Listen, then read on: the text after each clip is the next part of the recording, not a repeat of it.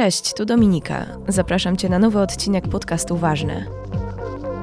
Rozmawiam w nim o problemach społecznych, emocjach, ludziach i ich historiach. Moi rozmówcy i rozmówczynie wyjaśniają nam wszystko od początku i prowadzą nas za rękę nawet przez najbardziej zagmatwane zagadnienia. Podcast Ważne istnieje dzięki patronom. Jeśli chcesz do nich dołączyć, zajrzyj na portal Patronite. Za jego pośrednictwem możesz mnie wesprzeć.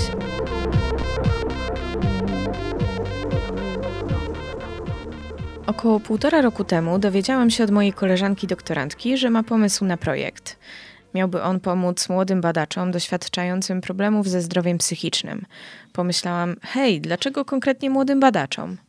Teraz już wiem dlaczego. Zerknijmy do statystyk. Krajowa reprezentacja doktorantów w ramach projektu PhD Mental Health informuje we wstępnym raporcie, że lęk powyżej normy dotyczy aż 67% doktorantów. 73% badanych ma objawy depresji w różnym nasileniu.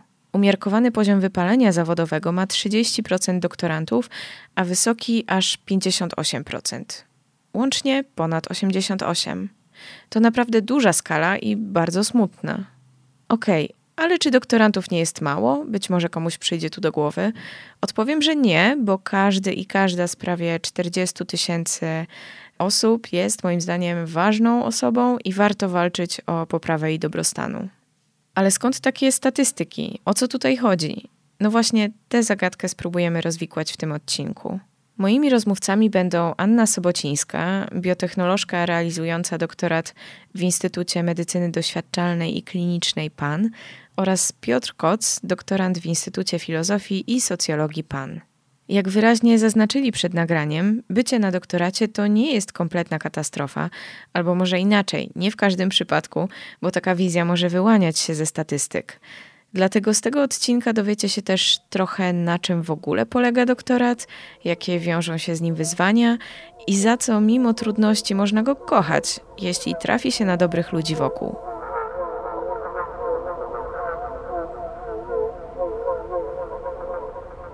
Nie miałam w domu, y, w sensie w rodzinie nikogo z doktoratem, ani na studiach doktoranckich i przyznam, że doktorat zawsze kojarzył mi się właśnie z prestiżem, karierą, sukcesem. E, czy to są takie słowa, które jakoś, nie wiem, byście skojarzyli? Może to wszystko jest jakoś w innym kierunku? Znaczy, wydaje mi się, że to jest dość problematyczne, bo z jednej strony będzie, część osób będzie miało wyobrażenie o doktoracie faktycznie o jako, o jako jakiejś takiej przygodzie intelektualnej, czymś prestiżowym, w związku z tym, że na ten doktorat się jest trudno dostać, a część będzie myślała o doktoracie przez pryzmat kilku wyjątków, takiego wyobrażenia, że taki doktorant to nic nie robi, tylko po prostu leży na szezlongu i i sobie słucha cudownych piosenek i popija martini, nie? Więc to są jakby dwa wyobrażenia o tym samym, tak, o doktoracie.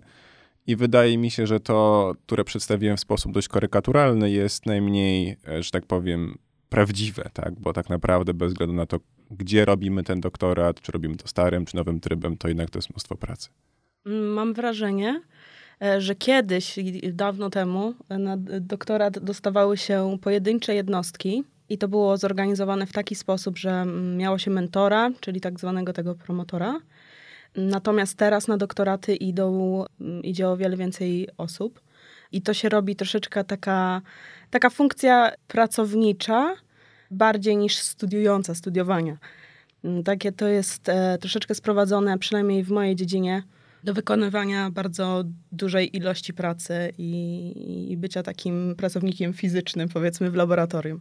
Znaczy, może na, zanim tak naprawdę będziemy o tym dalej rozmawiać, to warto sobie jakby uzmysłowić, że ten doktorat to są tak naprawdę bardzo różne historie. I mam tutaj na myśli to, że ten doktorat będzie inaczej trochę wyglądał u osoby, która zaczęła go przed rokiem 2019, tak, na przykład. To znaczy osoby, która poszła na studia doktoranckie, a nie do szkoły doktorskiej.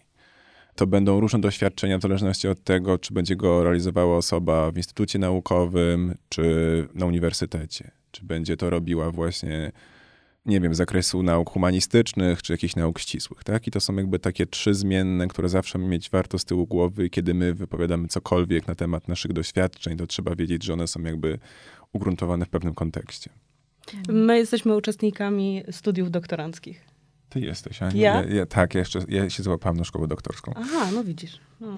Ja, jestem, ja jestem uczestnikiem studiów doktoranckich, e, więc idę tak zwanym starym trybem. Czyli jest dużo różnic. W takim razie zastanawiam się, co łączy te poszczególne losy, skoro jest tak, takie duże różnice w zależności od tego, no właśnie, czy instytut, czy nie, czy e, szkoła, czy studia, czy jest coś, co jest jakimś takim wspólnym elementem tej całej ogromnej grupy, jaką są właśnie doktoranci. Mm, no ja myślę, że to jest y, taka trywialna odpowiedź, ale wydaje mi się, że y, ciekawość jest y, wspólnym faktorem tutaj. Dlatego, że wszyscy wyszukujemy coś, co nas interesuje w danej konkretnej dziedzinie, no i prowadzimy prace naukowe. Oczywiście one y, zależnie od dziedziny wyglądają inaczej, ale wracając do tego, co powiedziałaś, jakie są przeświadczenia, to wydaje mi się, że przeświadczeniem głównym jest to, że my siedzimy i czytamy dużo prac naukowych, co jest oczywiście prawdą, ale nie w większości. To znaczy, ja mam na przykład doktorat bardzo doświadczalny. Koniec końców, no, czy cel jest taki sam, tylko jakby funkcjonujemy w nieco innych e, uwarunkowaniach, tak? W sensie każdy z nas ma na cel rozwiązanie jakiegoś problemu naukowego, tak? Cokolwiek to znaczy. I to jest to, co nas łączy, ale znowu, jak tak jak już można byłoby wywnioskować, to jest także niezwykle abstrakcyjny cel i tak naprawdę on będzie bardzo różnie realizowany w zależności od tego, kto gdzie co robi. A dlaczego w ogóle zaświtało wam w głowie to, żeby to rozwiązywanie problemów naukowych było jakimś, jakąś waszą dalszą ścieżką? Zawsze się zastanawiam w związku z tym, że spektrum rzeczy, które, decyzji, które ludzie podejmują jest po prostu bardzo duża, a tutaj akurat ten kierunek wam przyszedł do głowy. U mnie to było tak, że przez długi czas myślałem o tym doktoracie i to było w sensie dla mnie jakby zdobywanie nowej wiedzy, nowych umiejętności było czymś, co wydawało mi się rzeczą niezwykle atrakcyjną, interesującą. Ale w pewnym momencie swojego życia postanowiłem, że może doktorat nie jest dla mnie, w sensie takie myśli przyszło mi do głowy i udałem się na staż sześciomiesięczny, myśląc, że a może to faktycznie ten doktorat nie jest dla mnie i ten, powiedziałbym, ten rynek komercyjny, ten rynek prywatny jest czymś, y, co będzie dużo atrakcyjniejszą alternatywą.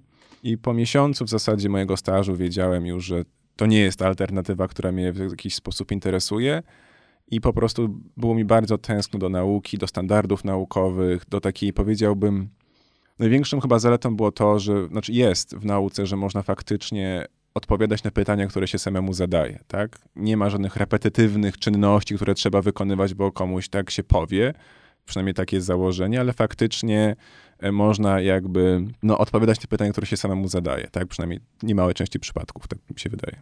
Czyli to jest e, jakaś taka zaleta nad e, tym obszarem prywatnym, związanym właśnie z biznesem i tak dalej. No tak, przypuszczam, że szczególnie w przypadku, jeżeli mówimy o jakiejś korporacji, tak, gdzie faktycznie istnieje jakaś bardzo ścisła, powiedziałbym, zależność tego, co ty robisz, od tego, co ci szef powie. Tak, w sensie po prostu masz zrobić analizę A, robisz analizę A, masz zrobić analizę B, robisz analizę B. No i tak to mniej więcej wygląda, tak? W przypadku nauki to tak nie wygląda, czy może nauki, czy doktoratu szczególnie tak to nie wygląda. Nawet jeżeli pracujemy w jakimś laboratorium i musimy wykonywać, powiedzmy, rzeczy, które nam powie szef, szef labu nam akurat powie, że musimy zrobić, no to cały czas mamy ten swój doktorat, który jest naszym autorskim pomysłem, nad którym my pracujemy. Ja przepraszam, ale się nie zgodzę, absolutnie. Masz prawo. W takim sensie, że rzeczywiście tu chyba wychodzi ta różnica szkół doktorskich i studiów doktoranckich, bo nie wiem, czy ty przychodziłeś na projekt? No właśnie nie. No ja przychodziłam na ustalony projekt grantowy, czyli wykonywanie tego, co zażyczyła sobie moja promotor we wniosku grantowym. I dlatego mi z kolei zależało bardzo, żeby to była dziedzina, która mm, no, mnie interesuje. I bardzo długo szukałam po magistrze doktoratu. Może też wyjaśnijmy taką rzecz, że faktycznie jest tak, że część doktoratów się po prostu człowiek jakby rekrutuje do konkretnego projektu, tak? I tam wiadomo, że ten wybór tematów będzie bardzo ograniczony. To znaczy musi być, albo powinien być, w praktyce musi być związany z tematem, do którego człowiek rekrutuje, ale to nie jest zawsze tak. Często jest, znaczy jest też tak, że człowiek po prostu przychodzi z, ze swoim projektem i realizuje swój projekt. Jak chociaż orientacyjnie wyobrazić sobie te obszary, w których e, się teraz poruszacie, jeśli chodzi o doktorat? U mnie to jest sprawa dość złożona, bo zajmuję się tak naprawdę metodologią porównawczych badań społecznych, tak? I w dużej mierze można powiedzieć, że moje badania koncentrują się na takim pytaniu, jak mierzyć rzeczy, by one były porównywalne w różnych kontekstach, tak? I to jest jakby ten główny leitmotiv mojego doktoratu. Ja badam nowotwory mózgu u dzieci, konkretną e, grupę takich nowotworów, które lokalizują się w tylnym obszarze czaszki U mnie to był na pewno świadomy wybór i nikt mnie do niego nie popychał, bo ja onkologią interesowałam się już na studiach licencjackich i jakoś tak mi się udało że, y, kontynuować pracę naukową w tym zakresie. Na początku były to raki nerki. Teraz zajmuję się neuroonkologią, czyli nowotworami mózgu u dzieci. Wiesz co, mnie to było kwestia przypadku, to znaczy, że ja pisząc swój, swoją pracę magisterską, jakby natrafiłem na pewną na książkę, która miała mi pomóc zupełnie czymś innym, ale jakby temat, czy też problem przedstawiony w tej książce tak mnie zafascynował, że postanowiłem go później realizować e, na doktoracie po prostu. Więc to był przypadek, można powiedzieć, tak? I jakby zajawka związana z, z, przeczytaniem książki. Ale to ja też, wydaje mi się, że miałam taką historię trochę, dlatego że ja pisząc pracę licencjacką na temat y, tworzenia naczyń krwionośnych, wyszukałam temat właśnie nowotworów y, i jest to bezpośrednio związane z nowotworzeniem. I wydaje mi się, że właśnie ta ciekawość, wracamy cały czas do ciekawości i do zajawki tak zwanej. Czyli u mnie też to było, że ja zdecydowałam się na jakąś dziedzinę, nie dlatego, że ktoś jakby ukierunkował mnie, że to będzie fajne, to będzie niefajne. Po prostu mnie to interesowało. I ja myślę, że w ogóle na doktorat idą ludzie, których interesuje dana dziedzina. Dlatego powtarzam, wydaje mi się, że nie, osoba, która nie interesuje się tym, co robi na doktoracie, po prostu nie ma dużych szans na kontynuację pracy w nauce. Czyli doktorat y, rozumiem, że nie jest dobrym pomysłem na takie działanie trochę y, siłą napędu wcześniejszego, że właśnie te studia miały taki napęd i trochę nie jesteśmy przekonani, ja, więc... Mhm. Ja myślę paradoksalnie, że bardzo dużo ludzi tak y, podejmuje doktorat. Dlatego, że z uczelni wychodzimy z magistrem i nagle się okazuje, że, że tu trzeba podjąć jakąś decyzję i się ukierunkować. I dużo ludzi nie ma na siebie innego pomysłu niż zostanie w tym samym zakładzie Oczywiście to nie jest y, złe, natomiast tutaj się rodzą pewne problemy, bo właśnie zostaje się w tym samym środowisku, pojawia się bardzo dużo pracy naukowej i do tego często obowiązki wykładowcy, jeśli chodzi o uniwersytety. I myślę, że tutaj może się rozpoczynać jakaś frustracja związana z doktoratem. Znowu to muszę powiedzieć, że podkreślić tę perspektywę nauk społecznych, że wcześniej, znowu przed rokiem 2019, tych miejsc na doktoracie było znacznie więcej. Tak? Znaczy, nie tak trudno było dostać się na doktorat, tak? I faktycznie w części przypadków było tak, że osoby po prostu szły na doktorat, bo nie wiedziały, co ze sobą zrobić, tak? Nie, nie było trudno się dostać, idę na doktorat. Teraz jest trudniej, bo znacznie mniej miejsc, bo są obowiązkowe stypendia dla doktorantów od początku dla wszystkich. I w związku z czym ta selekcja jest nieco bardziej, powiedziałbym, dokładna no ale tak jak powiedziała Ania, absolutnie się z tym zgadzam. Nie da się pójść na doktorat, jeżeli. Znaczy, da się pójść na doktorat, może nawet da się go zrobić, ale później bez tej pasji e, po prostu człowiek kończy na doktoracie i nie wie dalej, co ze sobą zrobić. A wy jakie mieliście oczekiwania, jakieś wyobrażenia, jeśli chodzi o to, co będzie z doktoratem? Bo to chyba nie da się tak zupełnie bez iść. Powiem szczerze, że ja miałam chyba bardzo dobre pojęcie, jak będzie wyglądać mój doktorat Byłaś już dlatego, przygotowana. Dlatego, że tak, współpracowałam z ludźmi, którzy robili doktoraty i na uczelni, i w instytucie, i też w miejscu y, mojego zatrudnienia poprzedniego. Miałam dosyć dobre pojęcie o tym, jak wygląda doktorat, bo widziałam ludzi, którzy na doktorat się zdecydowali, widziałam ludzi, którzy rezygnowali z doktoratów i była między nami dosyć dobra komunikacja, wobec czego ja wiedziałam dokładnie, na co się pisze. No ale to tak, przy okazji. Tak zapytałam o to, ponieważ e, w jednym z paneli, które podesłałaś mi no już jakiś czas temu, pamiętam, że wtedy to była właśnie taka aktualna sprawa, jeśli chodzi o ten panel. Tam pojawił się taki głos, że osoby, które do, ty, jakby do pewnego momentu miały po prostu doświadczenie bycia studentem czy studentką, idąc e, na doktorat, okazywało się, że właśnie nagle jest miało być pięknie, a nie było, że, że nagle dużo obowiązków, że jakieś dodatkowe rzeczy, które nie są związane z byciem studentem, tylko właśnie doktorantem. I, I, zastanawiałam się po prostu, czy wy też przeżyliście taki szok, ale z tego, co mówicie, to, to już się zdążyliście wcześniej zabetonować trochę. Może tutaj jest warto dodanie takiego małego faktu, że my y, mieszkamy w Warszawie i realizujemy doktorat w Warszawie. Ja myślę, że doświadczenia ludzi, którzy przyjeżdżają wynajmują mieszkania, a wiemy dobrze, ile wynajęcie mieszkania w Warszawie kosztuje, mogą mieć zupełnie inne doświadczenia. I dodając do tego jeszcze taki y, fakt, że ja pracowałam też w środowisku właśnie ludzi realizujących doktorat w Warszawie, więc wiedziałam mniej więcej, jak to wygląda. Natomiast osoba, która się przeprowadza do nowego środowiska, może y, mogą być różnice między uniwersytetem a nie uniwersytetem, między podejściami do doktoranta i, i tak dalej. Co do tego pytania, e, w sensie przygotowania do tego doktoratu, to już muszę powiedzieć, że no, nasze historie są może też specyficzne. Tak, Ania jakby miała doświadczenie tej pracy w laboratorium, ja jakby część studiów magisterskich realizowałem za granicą, gdzie program studiów bardzo silnie, jakby tak powiedziałbym, research oriented, tak? W sensie dużo przedmiotów metodologicznych, duży nacisk położony na jakby właśnie tworzenie quasi artykułów, tak? Czyli tych prac semestralnych, które musiały spełniać niemalże wymagania artykułów naukowych. Więc później przejście z takiego programu, na doktorat nie było dużą różnicą, tak? Ale jeżeli są osoby, które takiego doświadczenia nie mają i nagle muszą przyjść na doktorat, który faktycznie jest dużo bardziej, powiedziałbym, zindywidualizowany w tym sensie, że to od ciebie zależy, nie zależy od tego, jak cię profesor nauczy, a później ty masz zdać egzamin, tylko ty musisz znać tą metodologię i musisz wiedzieć, jak coś zrobić, no to już się pojawiają problemy, tak jak się tego doświadczenia nie ma wcześniej, tak? Trochę więcej czasu zajmuje jakby połapanie się, o co w tym wszystkim chodzi, nauczenie się tego wszystkiego. To jest bardzo dobry komentarz, dlatego że pominęliśmy kwestię wszystkich rzeczy, które wymagają od ciebie na doktoracie, to znaczy y, pisania artykułów naukowych. Jeśli nie ma się doświadczenia na studiach licencjackich czy magisterskich z czymś takim, to nauka tego jest po prostu bardzo wymagająca. To już nie mówiąc o tym, że trzeba pisać te y, artykuły naukowe po angielsku. Nie wiem jak u ciebie ale u nas nie pisze się po polsku, dlatego że e, mówiąc bardzo kolokwialnie, nie jest to opłacalne. Okej, okay, rozumiem. I tak by trzeba było tłumaczyć.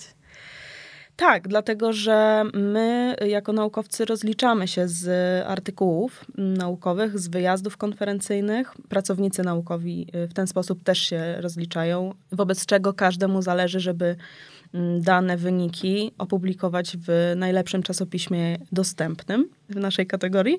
I kończy się to tak, że stara się publikować w czasopismach anglojęzycznych, ponieważ polskojęzyczne niestety nie osiągają takich czynników, to jest dobre słowo? Zasięgów. Zasięgów. Chodzi mi o impact factor. No tak, no zasięgi, tak? Sensie ile osób to przeczyta i tak dalej, i tak dalej. Nie?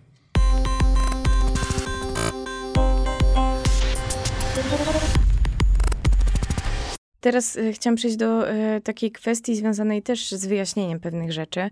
Pamiętam, że jak na studiach e, pisałam pracę inżynierską, pracując też przy projekcie, gdzie osobą nade mną był właśnie doktorant, nad którym był profesor, trochę nie mogłam skumać do końca, o co chodzi z tym byciem doktorantem, bo mam wrażenie, że właśnie ta osoba nade mną miała tak szeroki zakres obowiązków, że trochę to było tak, że tutaj miała zaprojektować logo do ulotki, a tutaj poprowadzić zajęcia e, a tutaj po prostu um, sprawdzać mi jakieś rzeczy i pomagać mi kalibrować układ, a jeszcze z, zaraz przychodził promotor tamtej osoby i mówił, że trzeba natychmiast coś zrobić i rzucić wszystko. I trzeba e... napisać rozdział przede wszystkim, tak. No i, i zastanawiam się, czy da się jakoś usystematyzować to, co właśnie doktorant robi w ogóle. No jak się idzie do pracy, to się ma jakąś listę obowiązków. Znowu to mi się wydaje, znowu to jest ta kwestia tego, tego bardzo różnego do, doświadczenia, tak? W sensie faktycznie, jak będziesz na uniwersytecie, to dochodzą do twoich obowiązków takich, powiedziałbym, defaultowych, obowiązki związane z dydaktyką, tak? Że o, trzeba iść ten, nie wiem, 60 godzin chyba teraz jest na uniwersytecie, tych godzin dydaktycznych, które trzeba wyrobić, prawda? Albo jak profesor zachoruje, o, to byś poszedł i zrobił ten wykład, tak? Abyś sprawdził ten egzamin, abyś sprawdził te eseje, tak? Więc to jest doświadczenie, którego my z Anią nie, nie mamy, tak? Na szczęście akurat w moim przypadku, ja się z tego cieszę, że, nie, że my nie musimy tej części dydaktycznej, że tak powiem, brzydko odwalać, bo to zajmuje potwornie dużo czasu. Tak naprawdę trzeba wtedy wpleść swój doktorat jakoś w ten harmonogram dydaktyczny danej jednostki, tak? A to nie jest nasz problem. I współczuję i generalnie podziwiam osoby, które realizują swój doktorat i jeszcze przy tym prowadzą zajęcia, tak? Bo to wymaga potwornej ilości czasu. Znaczy, ja myślę, Dominika, że masz bardzo dobre pojęcie o tym, jakie, jaki zakres obowiązków ma doktorant, bo oprócz realizacji pracy naukowej, my robimy prace techniczne w przypadku laboratoriów piszemy właśnie artykuły naukowe, produkujemy y, materiały na konferencje czy prezentacje. Część z nas ma wewnętrzne lab meetingi tak zwane, czyli y, takie spotkania naukowców y, aktualizujące wiedzę, co się dzieje u kogo na zakładzie. Ale są to też takie, bym powiedziała, nie obowiązki, ale rzeczy, które są związane z doktoratem, poboczne rzeczy. Czyli e, na przykład udzielanie się w samorządach doktoranckich, tworzenie grafik na różne wydarzenia popularno-naukowe. Jak to logo? E, jak logo, dokładnie. Często zajmujemy się też stronami internetowymi, e, jakimiś profilami społecznościowymi. My z Piotrem mamy doświadczenie udzielania się w Radzie Samorządzie, Samorządu Doktorantów Polskiej Akademii Nauk. Jest to bardzo wymagająca funkcja, ponieważ reprezentujemy swoje wydziały i reprezentujemy troszeczkę prawa doktoranta i można do takich osób jak my się zgłaszać z różnymi problemami. Także powiem szczerze, że ujęcie doktoratu tylko i wyłącznie jako pracy naukowej jest błędne po prostu. Tak, w sensie, że mogę dosłownie kilka słów dopowiedzieć, bo też jest też tak, trzeba powiedzieć, że część z nas po prostu będzie też realizowała zadania związane z pracą w określonym projekcie badawczym, tak? No i tam właśnie często pojawiają się rzeczy typu ulotki, typu abyś stronę poprawił, abyś konferencję tam pomógł organizować i tak dalej, i tak dalej, tak? To jest częsta przygoda w sytuacji, kiedy ktoś jakby poza realizowaniem swojego doktoratu jeszcze gdzieś pracuje przy jakimś projekcie badawczym, tak żeby dorobić po prostu, tak? Bo te pieniądze nie są zbyt duże.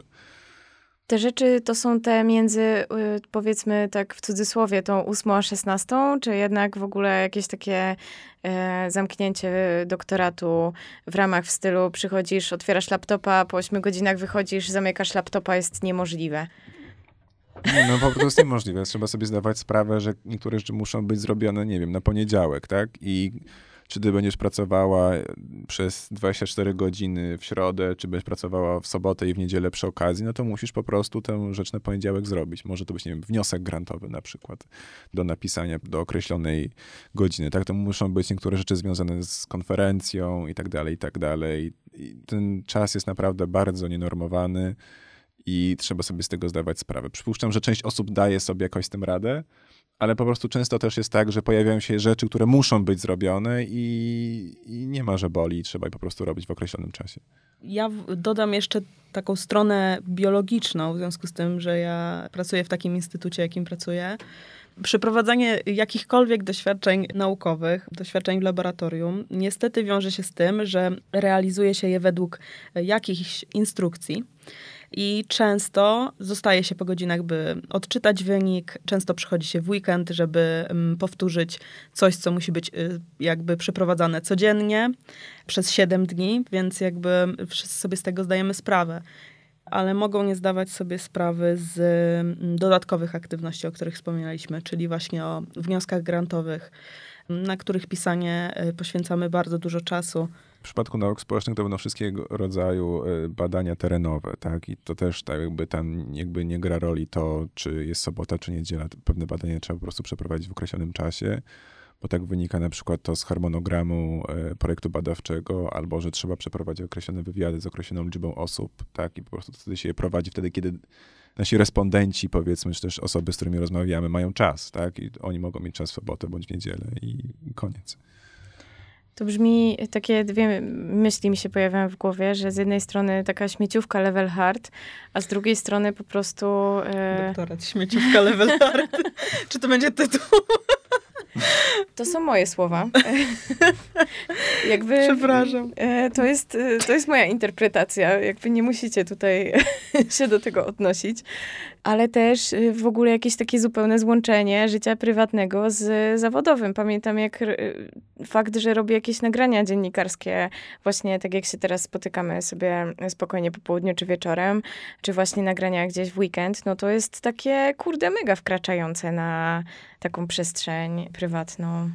Zdecydowanie. Ja mam wrażenie, że doktorat bardzo wpływa na życie osobiste i to nie tylko na związki partnerskie, ale też rodzinne zależności.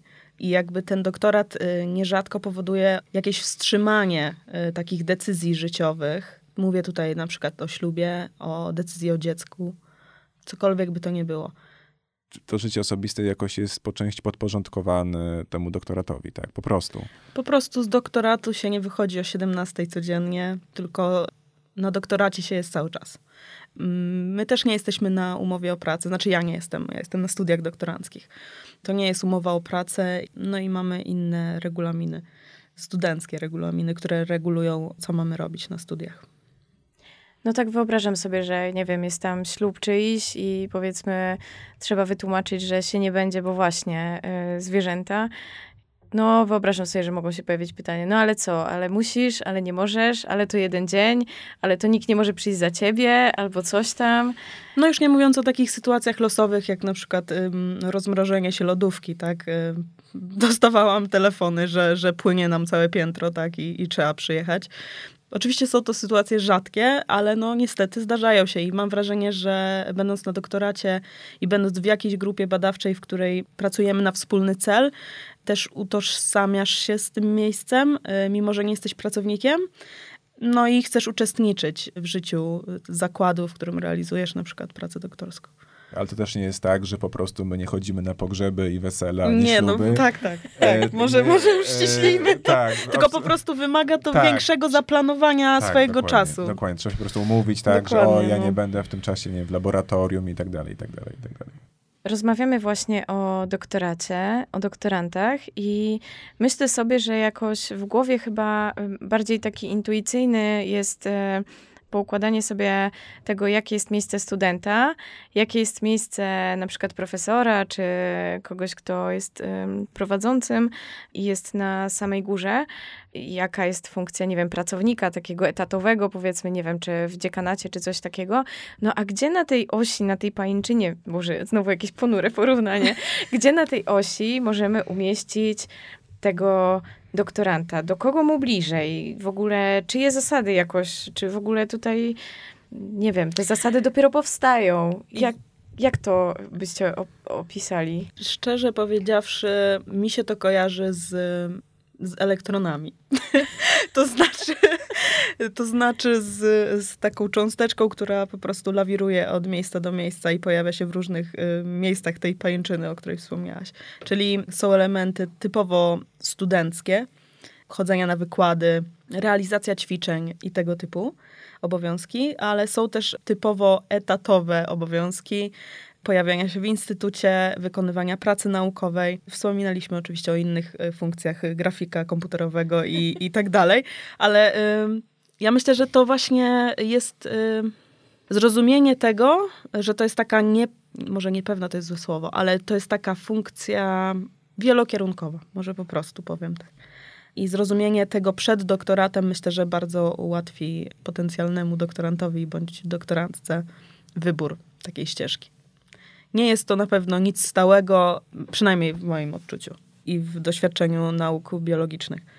W Polskiej Akademii Nauk też jest troszkę inaczej, tak? bo my nie mamy studentów. I tak naprawdę my jesteśmy tym, tak, że tak powiem, dołem. To znaczy, nie, mi się wydaje, że to nie jest coś najgorszego, dlatego że mam czasami wrażenie, że doktorantów na niektórych uczelniach traktuje się trochę jak studentów. A ja, moje doświadczenie jest takie, że nie, nie, nie, nie traktuje się jako studenta, tylko bardziej jako kolegę. Mam wrażenie, że to raczej w tym kierunku idzie jako młodego badacza, a nie jako jakiegoś studenta, który po prostu nie jest na magisterium, tylko na czymś wyżej. I to jest jakby doświadczenie, wydaje mi się, niemałej części osób, która realizuje swój doktorat y, w instytutach badawczych czy w instytutach Polskiej Akademii Nauk. Mhm.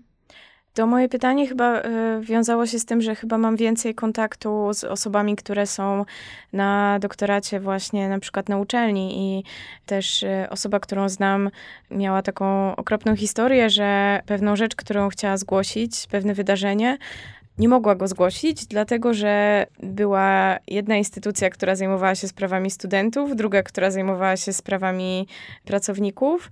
I przez to, że właśnie była ta jakaś okropna luka. Zaczęłam się zastanawiać, na ile właśnie ta sytuacja doktorantów i jakieś opisanie i uregulowanie to jest jeszcze całkiem e, po prostu work in progress, no bo ta luka wydawała mi się po prostu nie do pomyślenia i e, zastanawiam się, czy mm, wy też jakoś to, nie wiem, czy to moje wrażenie jest jakieś mylne, że to wszystko się dopiero jakoś klaruje, czy po prostu to jest tak złożone, że nic dziwnego, że są jakieś takie miejsca puste. To mi się znowu wydaje kwestia, w sensie można różne rzeczy regulować, ale później praktyka może być bardzo różna. Tak? To znaczy możemy sobie zmienić w ustawie, że zapiszemy, że już ten e, doktorant to już nie jest student, tylko że to jest młody badacz, ale powiedzmy sobie szczerze, że część kadry nadal będzie go traktowała jako takiego trochę starszego magistranta mi się wydaje, że to jest bardzo silnie e, jakby kontekstowo zależne, tak? I mówię, moje doświadczenie jest takie, że jestem traktowany raczej bardziej jako młody badacz, quasi kolega, a nie jako student, ale wiem znowu, że niemała część e, doktorantów realizująca swój doktorat na uczelniach jest traktowana po prostu jako starszy student. Mm, sporo pojawiło się o tych bolączkach, jeszcze chciałabym do nich wrócić, ale może zanim to, żeby trochę jednak nie pokazać tego wszystkiego jednostronnie, dlaczego mimo tych trudności y, po prostu zostaliście w tym i po prostu nie uznaliście, że dobra, jednak ten laptop 9-16 brzmi kusząco, jednak starczy wam jakoś energii na to, żeby zostać w tym dalej? Ja miałem to szczęście w sensie podjęcia tej decyzji o tym, że jakby pracowałem przez chwilę w korporacji jako tej alternatywie potencjalnej dla doktoratu. I po prostu mnie to nudziło, w sensie to wysysało ze mnie tą energię, mimo tego, że to była regularna praca pomiędzy dziewiątą a 17 w moim przypadku. Miałem świetnych kolegów i świetne koleżanki, bardzo fajne miejsce pracy. To po prostu było nudne, nie wiedziałem, co ja tam robię za bardzo. Mam wrażenie takie, że to było takie strata mojego czasu, krótko mówiąc i to było coś potwornego. I ta wolność, znaczy w moim przypadku, tak, to było to znowu bardzo indywidualne doświadczenie, ta wolność, zrealizowanie własnego projektu, odpowiadaniem na pytania, które mnie fascynują i ta możliwość samorozwoju, która się później przykłada na lepsze możliwości odpowiadania na pytania, które mnie fascynują, jest czymś, co mnie trzyma i sobie nie wyobrażam innej ścieżki kariery. Powiedziane było słowo fascynacja i myślę, że to jest dokładnie to, co spowodowało, że, że obrałam taką ścieżkę. I żeby się na nią utrzymać, trzeba codziennie podtrzymywać swoją ciekawość. Ciekawość do świata. Może to zabrzmi trywialnie, ale ludzie, którzy pracują w instytutach naukowych, są po prostu bardzo ciekawymi ludźmi.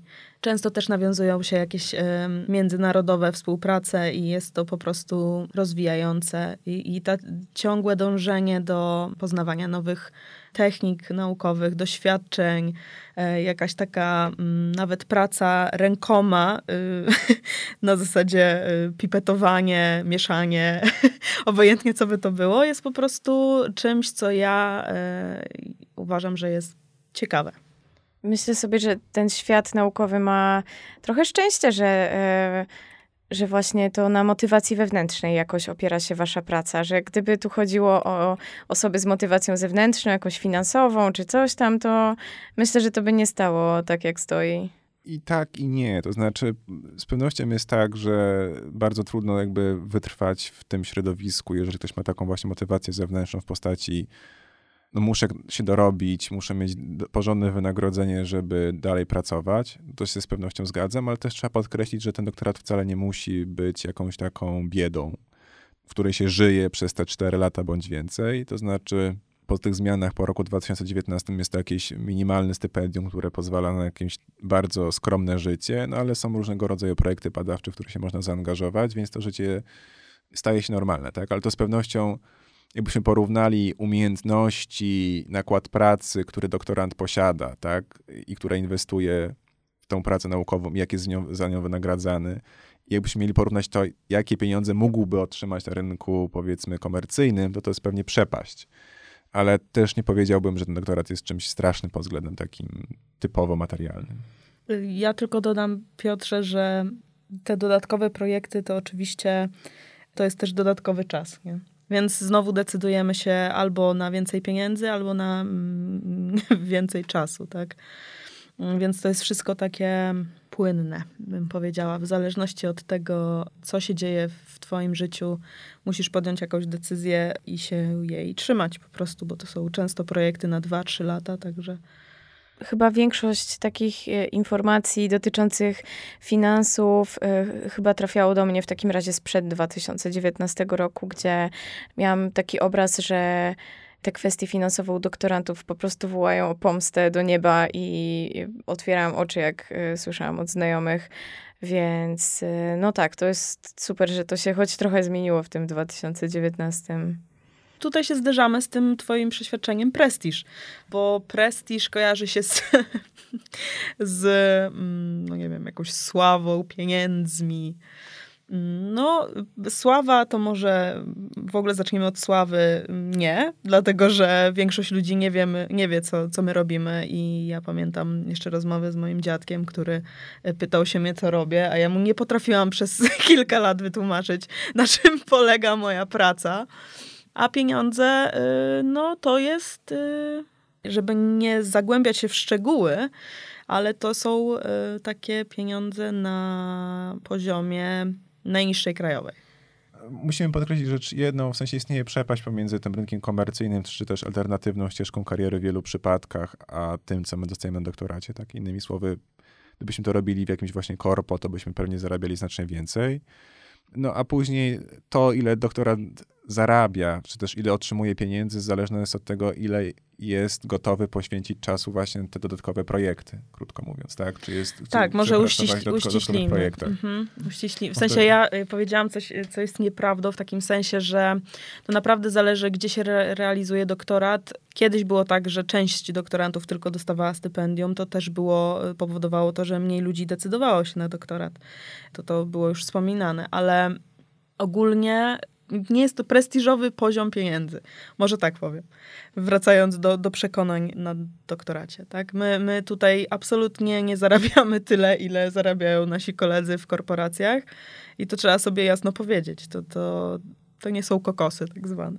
Można przyzwoicie zarabiać realizując doktorat, ale to jest kosztem czegoś. W sensie naprawdę bardzo intensywnej pracy przy jednym bądź kilku projektach i to jest naprawdę potwornie wymagające y, zajęcie.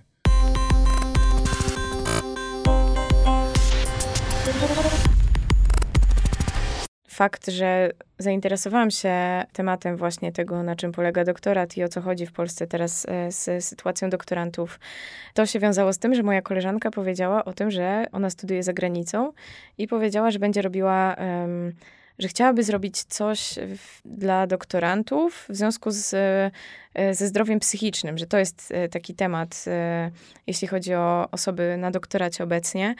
Czy rzeczywiście o tym mówi się dopiero od niedawna? Mm, wiesz co, to znaczy wydaje mi się, że w Polsce jakoś niezbyt Sorry. głośno się o tym mówiło przez długi czas. To znaczy pojawiały się jakieś takie mini badanka realizowane między innymi przez Krajową Reprezentację Doktorantów, a tak naprawdę dopiero teraz udało nam się przeprowadzić większe badanie, tak? To mówimy o Polsce, tak? O świecie to trochę inaczej to tam wyglądało, ale o Polsce, w Polsce jednak nie był temat szczególnie ważki i to nie był temat, którym by się ktokolwiek za bardzo interesował.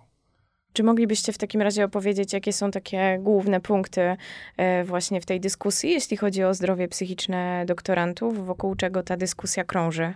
E, znowu to się powołam na, na, na, wyniki badań przeprowadzone właśnie przez Krajową Reprezentację Doktorantów w ramach programu PhD Mental Health. No i mm, można powiedzieć, że znowu to jest troszkę też problematyczne powiedzieć, na ile to jest specyfika samego doktoratu, bo badanie zostało przeprowadzone w, w pandemii, ale widać ewidentnie, że ogrom naszych koleżanek i kolegów cierpi na różnego rodzaju problemy co znaczy cierpi, tak? To chodzi o to, że około 40% naszych respondentów, a mówimy tutaj o próbie około 2000 osób, e, wskazało na wysoki bądź bardzo wysoki e, stan objawów właśnie zakresu lęku, stresu, depresji, tak?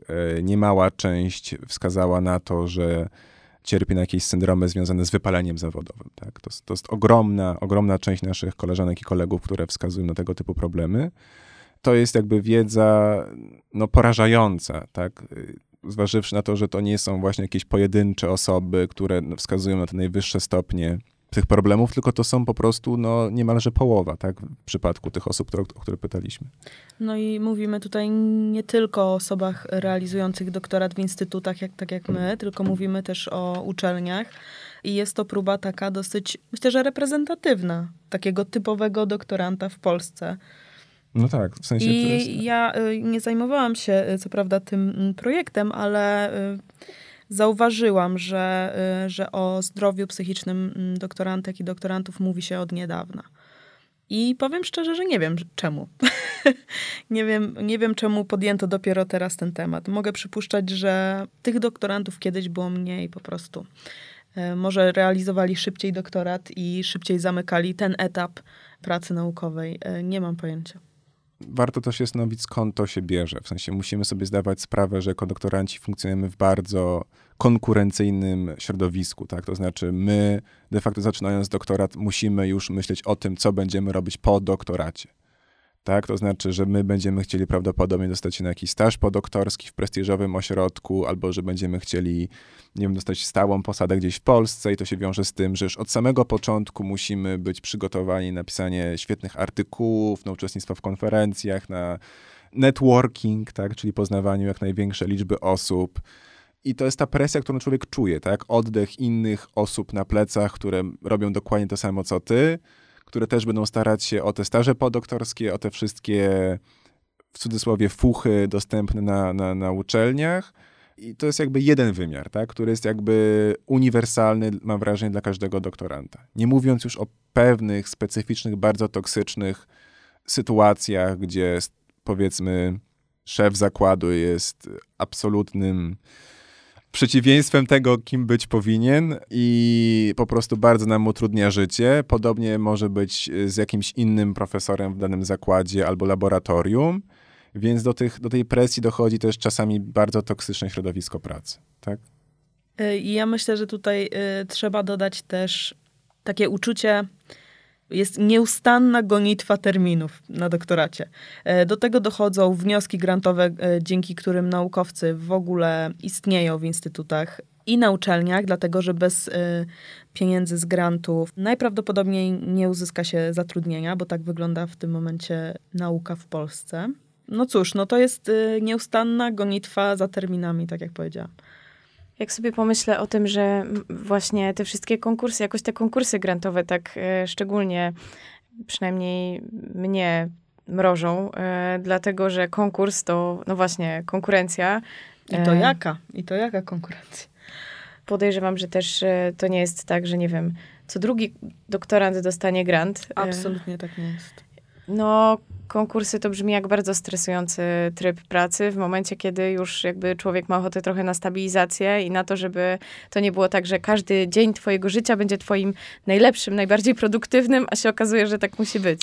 No właśnie mi się wydaje cały czas, że największą jakby bolączką i źródłem problemów jest ta chroniczna tymczasowość. To znaczy, że to jest cały czas coś tymczasowego. Także zaczynając właśnie doktorat, mhm. myślimy o postdoku. Zaczynasz postdoka, czasami trzeba myśleć już o kolejnym postdoku, tak? I dopiero jak się powiedzmy uda po pewnym czasie zdobyć jakieś stanowisko, które nie jest y, związane z tym konkursem albo taką ciągłą oceną pracowniczą, to wtedy człowiek jakoś się uspokaja, ale tak przez długi czas osoba, która wybiera ścieżkę y, kariery naukowej, musi być świadoma tej tymczasowości, tak? I musi być świadoma takiej poczucia wewnętrznej mobilizacji. W sensie to musi być cały czas, musimy mieć to cały czas z tyłu głowy, właśnie ze względu na utrzymanie się na tej pozycji, w ogóle kontynuowanie jakichkolwiek prac badawczych. A zdarzało wam się w tym wszystkim wpaść na naprawdę inspirujących takich y, mentorów naukowych, którzy by sprawiali, że po prostu myślicie sobie, wow, no jak, jak na filmie, to ma sens takie uczucia wow są chyba coraz trudniejsze w przypadku osób, które no już na tym doktoracie są. To znaczy, jakby nasz zasób, znaczy może to z, zabrzmi nazbyt y, wywyższająco się, ale w sensie nasz zasób wiedzy jest na tyle duży, że na, na nas coraz mniej rzeczy robi wrażenie. Tak czasami mam takie mam odczucie ale to nie jest tak, że jakby nie ma tego poczucia wow. Często mi się, znaczy często, czasami zdarza mi się faktycznie tak, że czytam jakąś pracę i ona na mnie robi ogromne wrażenie pod względem tego, jak ktoś coś zrobił, albo jak wpadł na jakieś pytanie i to są po prostu rzeczy niesamowite, tak. Czasami też osobiste jakieś, tak, spotkania z takimi ludźmi też się zdarzają. Takimi e, wydarzeniami, które najbardziej inspirują są właśnie konferencje naukowe, międzynarodowe i i tam się y, nabiera energii na następne lata doświadczeń. I ja zawsze miałam takie wrażenie, jak wracałam z konferencji, że fajnie, że jestem w nauce, bo robię coś ciekawego, bo mogę poznawać nowych ludzi z różnych krajów, bo chcę kiedyś robić naukę na przykład na takim, a takim poziomie. I to jest bardzo fajne uczucie. Zastanawiam się, czy są y, jakieś pomysły, żeby właśnie te sytuacje, chociażby jeśli chodzi o zdrowie psychiczne doktorantów, poprawić? Czy to jest tak, że po prostu trzeba, nie wiem, właśnie zrezygnować z tych konkursów i tak dalej, i dopiero wtedy można, nie wiem, jakoś budować? Są jakby kilka kwestii, tak? W sensie takich kwestii bardzo instytucjonalnych, to znowu Krajowa Reprezentacja Doktorantów oferuje tutaj konsultacje psychologiczne dla doktorantów, zarówno w języku angielskim, jak i w języku polskim. Ale wydaje mi się, że to trzeba sobie zdawać sprawę i poświęcić bardzo dużo czasu na to, zanim rozpoczniemy doktorat, by znaleźć laboratorium i promotora, który będzie nas wspierał w tej przygodzie. Tak? To znaczy, to doświadczenie stresu jest na tyle powszechne wśród doktorantów, że wydaje mi się, że bez tego przyzwoitego promotora, bez jakichś fajnych osób w laboratorium czy też w zakładzie, niezwykle trudno przez to przejść. To, to, jest doświadczenie powszechne, tak? to nie jest nic wyjątkowego. Ale tutaj ta rola tego promotora, który powie: O, słuchaj, ja też składałem nie wiadomo jak dużo wniosków grantowych i udało mi się tyle, a tyle tylko z nich, że tak powiem, dociągnąć do końca, albo że powie, o, a tu mi odrzucili ten artykuł sześć razy z rzędu, nie ma się czym przejmować. To jest coś szalenie istotnego i to jest coś, bez czego naprawdę trudno przez to doświadczenie przejść, bo my to robimy po raz pierwszy, tak? No chyba, że ktoś faktycznie masz jakieś ogromne doświadczenie w postaci tego, że nie wiem, że rodzice są jakby też związane z tym świadkiem naukowym, albo ma ogrom przyjaciół i znajomych, ale w innym przypadku to to się wydaje rzecz szalenie istotna, tak? Poza tymi elementami instytucjonalnymi. Ja myślę, że w ogóle ludzie, którzy idą na doktorat, mają chęć y, bycia perfekcjonistami. I te pierwsze porażki rzeczywiście kształtują to, jak wygląda dalej doktorat. Ja mam wrażenie, że to pierwsze odrzucenie artykułu, czy okropne komentarze w pracy naukowej, w sensie w pracy doktorskiej na przykład, Mm, jeśli ktoś nie ma odpowiedniego wsparcia, i mówię tu zarówno o wsparciu rodziny, partnera, ale też właśnie wsparciu e, promotora, to może być tak, że ta praca naukowa będzie źródłem jego po prostu jakichś niewyobrażalnych stresów i, i zakończy wcześniej tą przygodę. No to brzmi, jakby było trochę mało czasu na takie przestawienie się, bo y, pamiętam y, siebie z czasów studenckich, że ta hierarchia, właśnie prowadzący, czy tam profesor, czy ktoś ponad studentem, studentką, ta hierarchia była tak mocno za, zabetonowana, że ja czułam, że po prostu jakby nie mam prawa głosu w konfrontacji, w, w jakiejś rozmowie z prowadzącym że chyba trudno by mi było tak to przemodelować e, po prostu w ciągu, nie wiem, e, że następnego dnia już będę się czuła bardziej pewnie i już będę, że tak powiem, bardziej dbała o swoje prawa, będę tutaj jakoś stawiała granice. To wydaje się strasznie trudne tak z jednego przejść na drugie. No i myślę, że niektórym się nie udaje. W takim sensie, że my rzeczywiście mamy z tyłu głowy to, że jesteśmy zależni od kogoś, że nadal jesteśmy studentami, przecież umowa o pracę nie istnieje na przykład w moim przypadku. Mm, więc wszystko jest takie umowne, może bym powiedziała. W takim sensie, że ja się czuję, jakbym była w pracy, natomiast jestem nadal na studiach.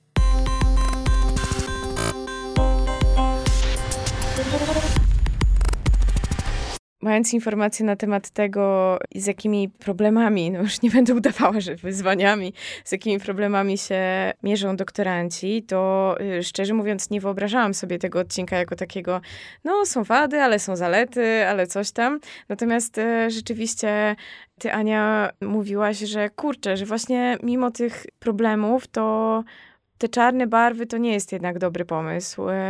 I chyba teraz mamy przestrzeń na to, żeby jakoś y, może dodać tutaj trochę tego koloru, jeśli macie ochotę. Bo według mnie sytuacja jest trudna, ale jestem obserwatorką z zewnątrz. Natomiast y, teraz chciałam Was zaprosić do jakiegoś nadania kształtu temu, już jak będziemy się powoli zbliżać do końca. To znaczy, załóżmy, że komuś się udaje tego przyzwoitego promotora znaleźć i też ten lab, w którym funkcjonuje bądź zakład jest pełen, może nie pełen, ale nie, nie ma tam ludzi toksycznych, to wówczas ten doktorat może być naprawdę bardzo ciekawą przygodą intelektualną. To znaczy, że człowiek ma ochotę tam chodzić, ma po prostu ochotę te badania realizować, ma ochotę chodzić do tego laboratorium, ma ochotę analizować te dane, bo to jest coś absolutnie fascynującego, bo chce się czegoś dowiedzieć po prostu, tak? I to jest niesamowite uczucie, jak człowiek się rozwija, jak zdobywa wiedzę, umiejętności w trakcie doktoratu. To jest niezwykle intensywne, mam wrażenie. I to jest jakby też zupełnie inne doświadczenie, tak? Bo my to robimy w, jakimś sensie samodzielnie. To nie jest jak wcześniej, że pod kierunkiem jakiegoś tam osoby w laboratorium, czy też prowadzącego zajęcia, który nam kazał nacisnąć e, taki a taki przycisk na klawiaturze, tylko robimy to wszystko sami, tak? I to poczucie, że my to robimy sami jest no, niesamowite, tak? Że my dokonujemy jakichś odkryć, mówiąc górnolotnie, jest czymś niesamowitym i, i fascynującym. Tego się jakby nie da z, z czymś innym porównać nie da się porównać i mam wrażenie też, że satysfakcja pokazania światu y, swoich badań, które y, robiliśmy godzinami, dniami i nocami, jest ogromna. W takim sensie, że rzeczywiście, tak jak Piotr powiedział, że to jest y, niespotykane, wydaje mi się, uczucie. I żeby nadać, nadać koloru doktoratowi, tak? Ja myślę, że to jest jakaś taka sinusoida troszeczkę dlatego że jednego dnia, jednego miesiąca jest się bardzo y, usatysfakcjonowanym z tego, co się wyprodukowało, jest się bardzo zmotywowanym do pisania artykułów naukowych, a w drugim miesiącu niestety dostajemy recenzję artykułu naukowego, dostajemy odpowiedź negatywną o przyznanie pieniędzy, y, o finansowanie grantu y, naukowego. Także doktorat jest pełen takich... Wzlotów i upadków. i upadków, dokładnie. Myślę, że takim y, naj, najfajniejszą częścią doktoratu jest to, że rzeczywiście uczymy się samodzielnej pracy naukowej. Ja w ogóle podkreślam to, że doktorat jest raczej dla ludzi, którzy rzeczywiście widzą się w nauce później, ponieważ y, to jest charakterystyczny tryb pracy, głowa codziennie w pracy, obojętnie o której godzinie. Także mi się wydaje, że jeszcze tylko mogę dodać jedną rzecz, to jest faktycznie to, że ta wolność mimo wszystko, tak, w sensie, jak jeżeli nie musimy, nawet w ramach projektu, który trzeba realizować, bo jesteśmy w nim zatrudnieni, to mimo wszystko mamy jakąś wolność w zadawaniu tych pytań i w próbie odpowiedzi na nie, tak. Dla mnie przynajmniej to jest ogromnie ważne i to jest, wydaje mi się, ta największa różnica pomiędzy tym doktoratem, nauką, a takim e, bardzo komercyjnym y komercyjną karierą, w sensie kom, na rynku komercyjnym, właśnie w takiej korporacji, gdzie trzeba robić to, co ci każą, krótko mówiąc, tak? A na doktoracie masz ogromną szansę jakby odpowiadania na pytanie, na pytania, które sam zadajesz, które cię najbardziej interesują i inwestowania tego czasu właśnie w próby odpowiedzi na to pytanie. I to jest ogromny, ogromna wartość. Nawiązując do tego, to ta właśnie dowolność w późniejszych etapach kariery, wydaje mi się, właśnie po doktoracie, czyli trzeba się trochę naczekać, ale mm, trzeba się trochę naczekać, e, ale chodzi mi o to, że jak już się dotrze do końca tej ścieżki, to się okazuje nagle, że się jest wolnym człowiekiem i nagle mm, można mm, rzeczywiście samemu budować swoje problemy badawcze, swoje doświadczenia, pisać wnioski grantowe o tym, co nas interesuje. I ja myślę, że ta dowolność powoduje, że tyle ludzi decyduje się na właśnie karierę naukową, bo jesteśmy po prostu ludźmi y, ciekawymi z natury. Tak mi się wydaje.